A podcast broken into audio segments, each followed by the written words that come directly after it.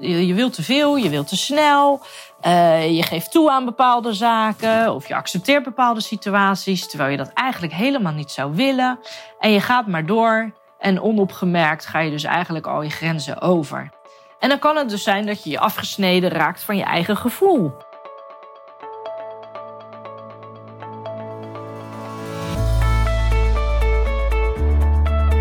Welkom bij de podcast Jeugdzorg Next Level. Deze nieuwe podcastserie, Zekerder met Ouders, heb ik voor jou opgenomen, zodat je met nog meer zelfvertrouwen de begeleidingstrajecten kunt uitvoeren. Samenwerken met ouders is enorm belangrijk en voor veel jeugdprofessionals een uitdaging. Met deze podcast ontvang jij tips, inzichten en ervaringsverhalen om je werk meer diepgang te geven. Veel luisterplezier!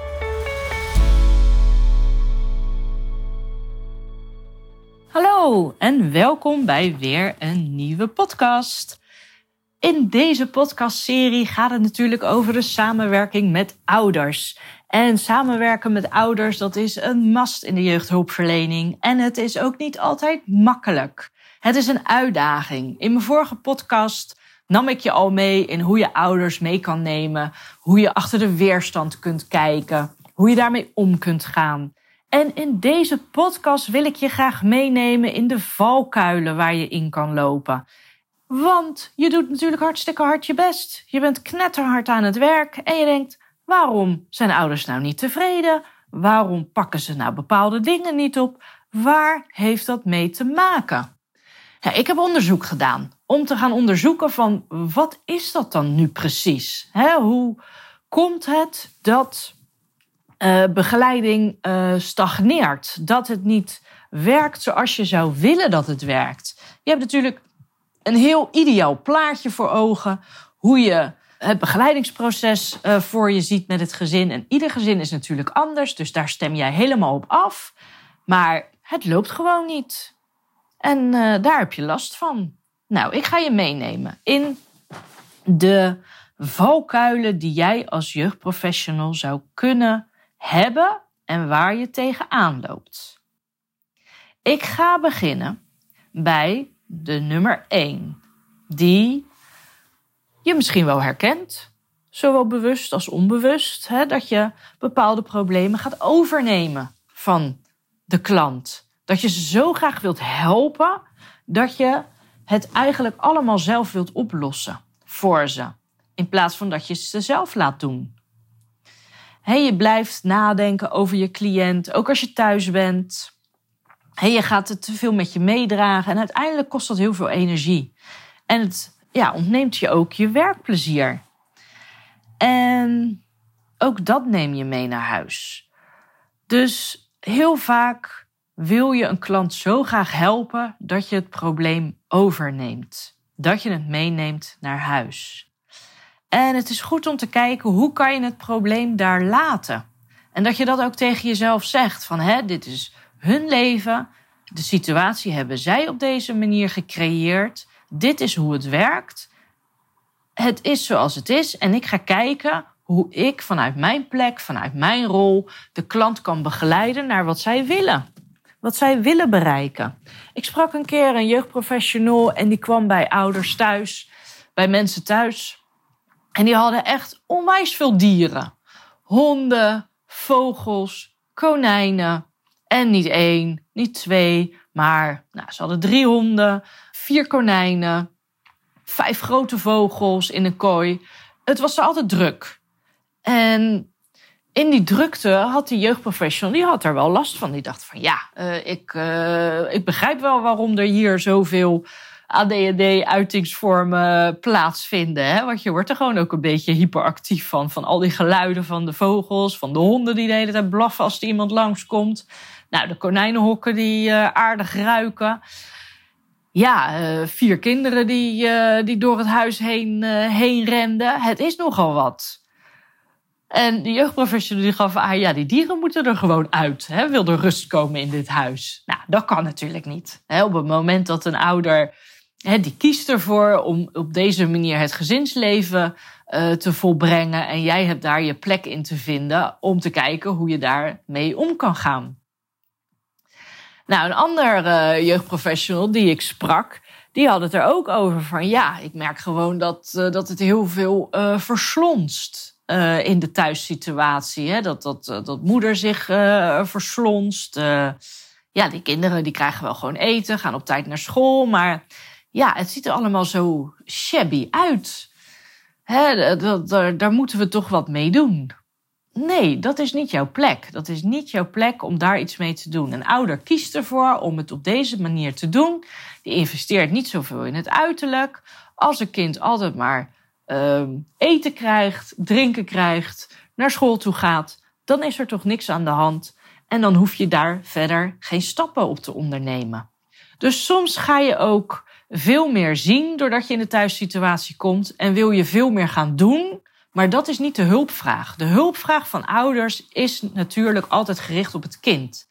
En daar heb je je aan te houden. Op het moment dat jij gaat afwijken van de afspraken die je met elkaar gemaakt hebt, we noemen dat toch een soort van contract, een overeenkomst die ouders met, met je hebben, van dit is wat wij graag willen bereiken, hier lopen wij tegenaan dan hou je je daaraan en dan ga je je niet met andere dingen bemoeien. Dus het is heel goed om het daar te laten en dat jij echt komt waarvoor je hebt te komen. Nou, wat ook vaak een valkuil is waar je tegenaan kan lopen voor jezelf, is dat je merkt dat je harder aan het werk bent dan je cliënten, dan, je, dan de ouder, dan het kind. Hey, je komt met allemaal goede ideeën, je hebt interventies, je hebt hele mooie methodes. Alleen de cliënt is daar nog helemaal niet aan toe. En jij bent heel hard aan het werk om de ouder of het kind ervan te overtuigen dat het gedaan moet worden. Maar daar is die nog niet. En daar heb je pas op de plaats te maken. Als jij merkt dat jij gewoon hard aan het werk bent voor een gezin, dat je denkt van ja, ik ben hard aan het werk. En waarschijnlijk als je nu deze podcast luistert, dan zul je voor jezelf wel één of twee gezinnen misschien omhoog komen in jouw gedachten waarvan jij merkt van nou inderdaad, ik ben echt hard aan het werk voor dit gezin, maar het levert helemaal niks op. En dat is ook een verschil. Hè? Kijk, je kan hard werken en hard werken. En hard werken is niet erg. Maar als het niks oplevert, dan gaat het je energie kosten. En ook je werkplezier. Dus als je merkt van hé, hey, ik ben harder aan het werk dan mijn cliënten, nou, stop ermee. Ja, dat kan. Je kan gewoon beslissen om te stoppen met hard werken. En dat je gaat kijken van, hé, hey, wat is er dan voor nodig? Dat je daar de tijd voor gaat nemen om daarover na te denken. Wat is er dan voor nodig om dit gezin naar de next level te brengen, waar jij ze naartoe zou willen begeleiden? Maar stop met het harde werken. Dat gaat ten koste van jezelf. Wat daar inherent aan is, is dat je te snel wilt gaan. Veranderingen kosten echt tijd. Zeker als ouders gewend zijn om altijd iets op een bepaalde manier te doen. En jij gaat uh, met allemaal uh, tips en tricks komen om het op een andere manier in te gaan delen. Ja, dat, poeh, dat, dat, dat is te veel. Dat is te veel. Je hebt het stap voor stap aan te pakken. Stel dat er veel chaos is in de thuissituatie dat ze het overzicht kwijt zijn, dan uh, kan het zijn dat je zegt van oké, we gaan een planbord ophangen, we gaan de communicatie aanpassen en we gaan een uh, goede uh, dagindeling maken. Nou, poeh, ho, wacht eventjes, dat zijn drie dingen die je wil doorvoeren. veel te veel, veel te veel. Je gaat te snel. Het is goed om dan door te vragen aan ouders goed om daarover na te denken. Van hè, het is chaotisch, je wil meer rust creëren. Wat zou jou dat opleveren?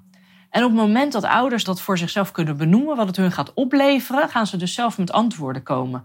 Van ja, als ik meer overzicht heb, dat gaat me meer rust geven. En op het moment dat ik meer rust heb, dan kan ik meer aandacht aan mijn kinderen geven met wat ze nodig hebben.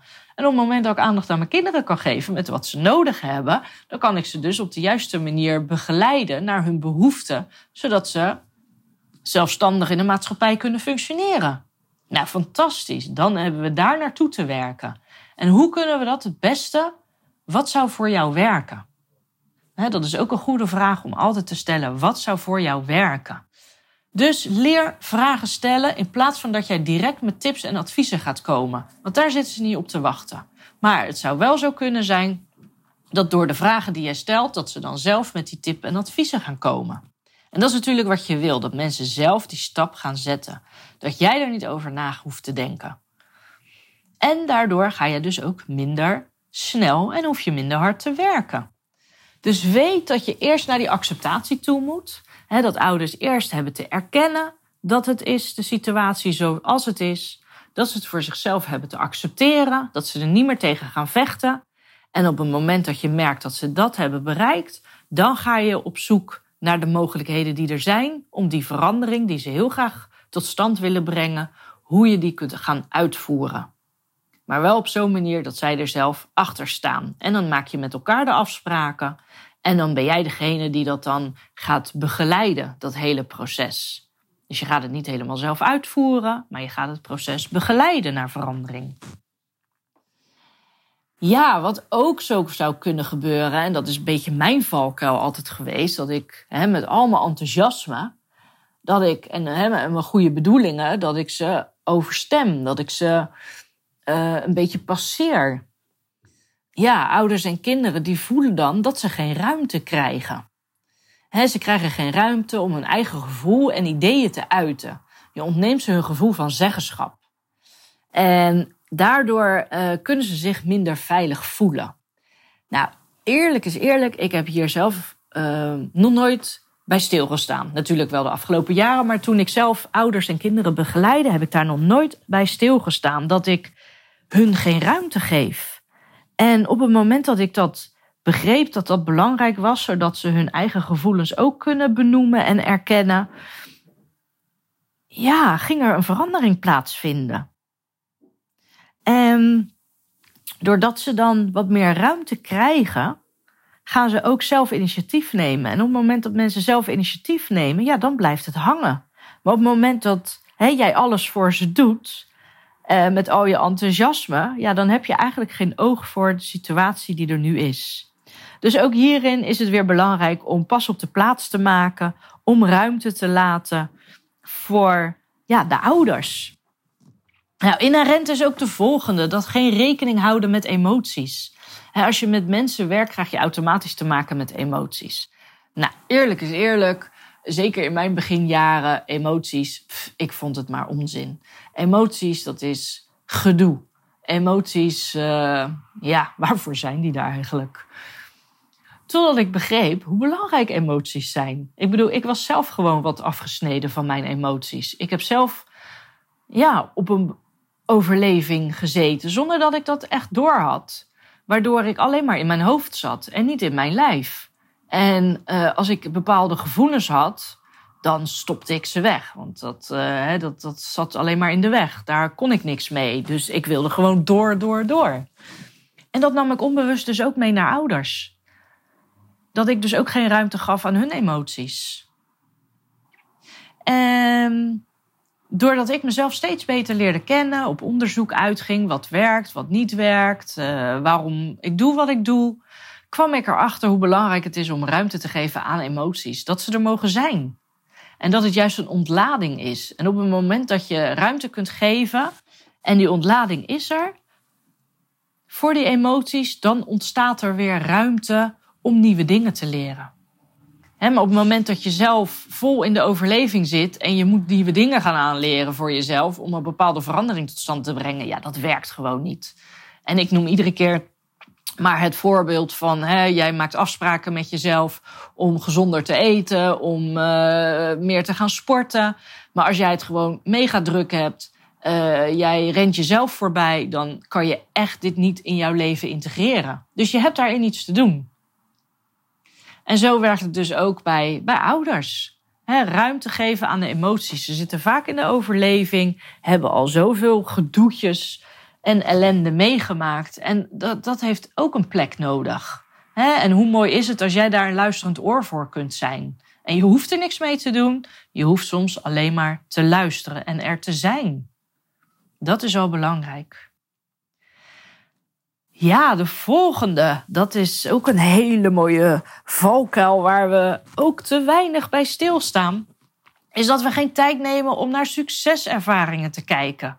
Kijk, op het moment dat jij met ouders wil, goed wil samenwerken, is het ook belangrijk om te kijken naar de succeservaringen. Dat je echt stil gaat staan bij die succesjes. We denderen maar door in ons leven, we hebben het allemaal hartstikke druk.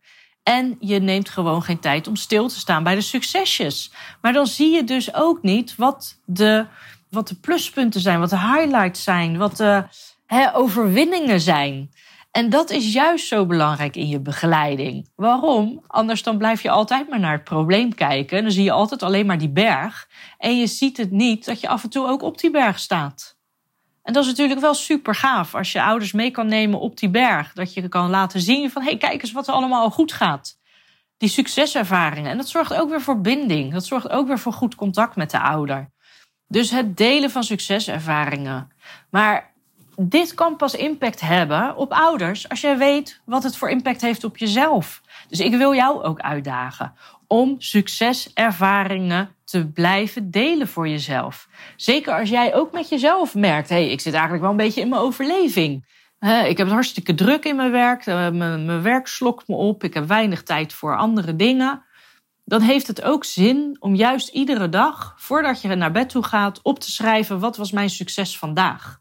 Je gaat je brein trainen. En op het moment dat jij je brein gaat trainen naar de positieve dingen te kijken, naar wat er goed ging, wat de lichtpuntjes waren op een dag, dan ga je ruimte creëren in je hoofd. Dan ga je weer meer plezier krijgen, je gaat gelukshormonen aanmaken, omdat het je helpt. En die succeservaringen zijn enorm belangrijk. Wij doen het ook in ons werk binnen Happy Kids Care. Zeker bij overleggen benoemen we altijd wat onze succeservaring is. En soms is het ook hard nadenken. Daar ben ik ook eerlijk in. Ik ben ook van nature iemand die super kritisch is, altijd ziet wat er niet goed gaat. En daarom heb ik mezelf juist aangeleerd om te zien wat er goed gaat. En juist doordat ik zie wat er goed gaat, gaat mezelf dat in evenwicht brengen. ik zeg altijd, het zijn de endorfines, de gelukshormonen, die helpen jou. Dus succeservaringen, dat is enorm belangrijk om dat met ouders ook zeker te gaan delen dat helpt je in het contact met ouders. Nou, wat ook een valkuil is, is dat je je eigen grenzen overgaat. Je, je wilt te veel, je wilt te snel, uh, je geeft toe aan bepaalde zaken of je accepteert bepaalde situaties terwijl je dat eigenlijk helemaal niet zou willen. En je gaat maar door en onopgemerkt ga je dus eigenlijk al je grenzen over. En dan kan het dus zijn dat je je afgesneden raakt van je eigen gevoel. Ja, dus is het belangrijk om stil te staan bij jezelf. Om de tijd te nemen om te checken hoe het met jou gaat. Ook dat is enorm belangrijk. je bent zo met andere mensen bezig en je bent zo aan het geven. want op het moment dat je met mensen werkt, ben je aan het geven. Je geeft iets van jezelf. En je hebt dat ook weer te ontvangen. Daarom is het belangrijk om te gaan onderzoeken hoe kan jij ook ontvangen? Waar laat jij van op? Waar krijg jij energie van? Zodat jij steeds meer de balans kan creëren. En op het moment dat jij balans krijgt, en dat was altijd een beetje mijn streven in het leven. Hè? Ik voelde altijd, eh, zeker met alle emoties en gevoelens die ik had, dat het een soort van bolletje wol was, wat helemaal door elkaar in de klit was, uh, was gegaan. En ik dacht, ja, kom op, hoe kan ik nu voor mezelf een goed leven creëren, zodat ik weet wat ik voel, dat ik weet wat ik wil. En nou, mijn willen en voelen, die stonden echt nooit op één lijn, want ik wilde bepaalde dingen, maar mijn gevoel zei weer wat anders. En nou, ik kan je vertellen, dat is een hele zoektocht geweest, maar die zoektocht, eh, daar ben ik uitgekomen. En nu, en daarom ben ik zo blij dat ik uh, mezelf uh, in de spiegel heb durven aankijken. Dat ik voor mezelf allemaal trainingen, coaching heb gevolgd om mezelf beter te leren kennen. Want daardoor kan ik ook dingen gaan herkennen. Ik herken het bij andere mensen. Maar ook dat ik mijn intuïtie weer kan vertrouwen. Want dat is zo mooi, hè? zeker bij jonge kinderen. Zeker de kinderen die wij begeleiden. Die zijn zo puur, zo open. Die staan nog zo dicht bij hun gevoel. En daarvan uit reageren zij. En dat was ook altijd mijn doel, om weer op mijn intuïtie te kunnen vertrouwen. En dat is wel heel tof. Als je dat kan, kan ik je vertellen. Want vanuit je intuïtie kan je het op een gegeven moment steeds beter benoemen. En doordat je dingen kunt benoemen, ik kan er woorden aan geven, ja, maakt het het leven wel een stuk makkelijker. En dat is wel een weg die je hebt te gaan. En uh, nou, dat, dat, daar zijn verschillende mogelijkheden voor. Er zijn verschillende trainingen voor die je daar kan volgen, ook binnen de Academy. Dus je kan op onderzoek uitgaan als je dat zou willen. Maar wat ik je heel graag wil meegeven is: ga ook voor jezelf op onderzoek uit wat jou helpt, waar jij energie van krijgt. Eh, ga wat vaker een strandwandeling maken, of naar de bioscoop, of knuffel wat vaker met mensen. Ga sporten, ga dingen doen waar jij blij van wordt. Want dat is enorm belangrijk. Hè? Je telefoon laat je ook iedere dag op. De laptop zit ook iedere keer in de stekker. En het is ook belangrijk dat jij jezelf gaat opladen. Want op het moment dat jij lekker in je vuil zit, kun jij je werk ook veel makkelijker doen. En ga je dingen herkennen. Je gaat herkennen wat er gebeurt. Je gaat patronen zien. En dat is gewoon gaaf als jij voor jezelf uh, de afspraak gaat maken om ja, met jezelf aan de slag te gaan. Om jezelf beter te leren kennen dan is het zoveel mooier om je werk te kunnen doen. Nou, dit waren de, de zeven valkuilen die ervoor zorgen dat je afstand hebt met ouders. Waardoor je merkt dat je geen goede samenwerking hebt. En dit kan allemaal, dat zeg ik, je doet alles met de beste bedoelingen en beste intenties. En ik hoop door deze zeven valkuilen dat je daar bewust van wordt dat er mogelijk een valkuil is die jij nou ja, op dit moment toepast bij een gezin. Waardoor je er ineens achter komt: aha, dit is waarom het stagneert, de begeleiding. Ik zal ze nog even opnoemen. De valkuilen, dat is dat je het probleem overneemt, dat je harder werkt dan je cliënt, dat je te snel gaat, dat je ouders en kinderen geen ruimte geeft, dat je geen rekening houdt met hun emoties, dat je geen tijd neemt om stil te staan bij hun succeservaringen en dat jij je eigen grenzen overgaat. Ik hoop dat deze podcast je weer geïnspireerd heeft om nader onderzoek te doen voor jezelf, maar dat je ook weer handvatten hebt om uh, de begeleiding die nu stagneert, dat je die weer succesvol kan uitvoeren. Ik wens je in ieder geval heel veel succes en ik wil je bedanken voor het luisteren en tot een volgende podcast. Dit is alweer het einde van deze podcast. Ben jij geïnspireerd geraakt en wil je ook groeien naar jouw next level? Kijk dan eens op de website www.hkcacademy.nl voor meer informatie over trainingen, events en de laatste nieuwtjes. Je kunt mij ook volgen via de socials, het HKC Academy, voor leuke tips en ideeën, zodat jij je klanten naar de next level kunt begeleiden. Ik zie je snel bij een training, event of via de socials.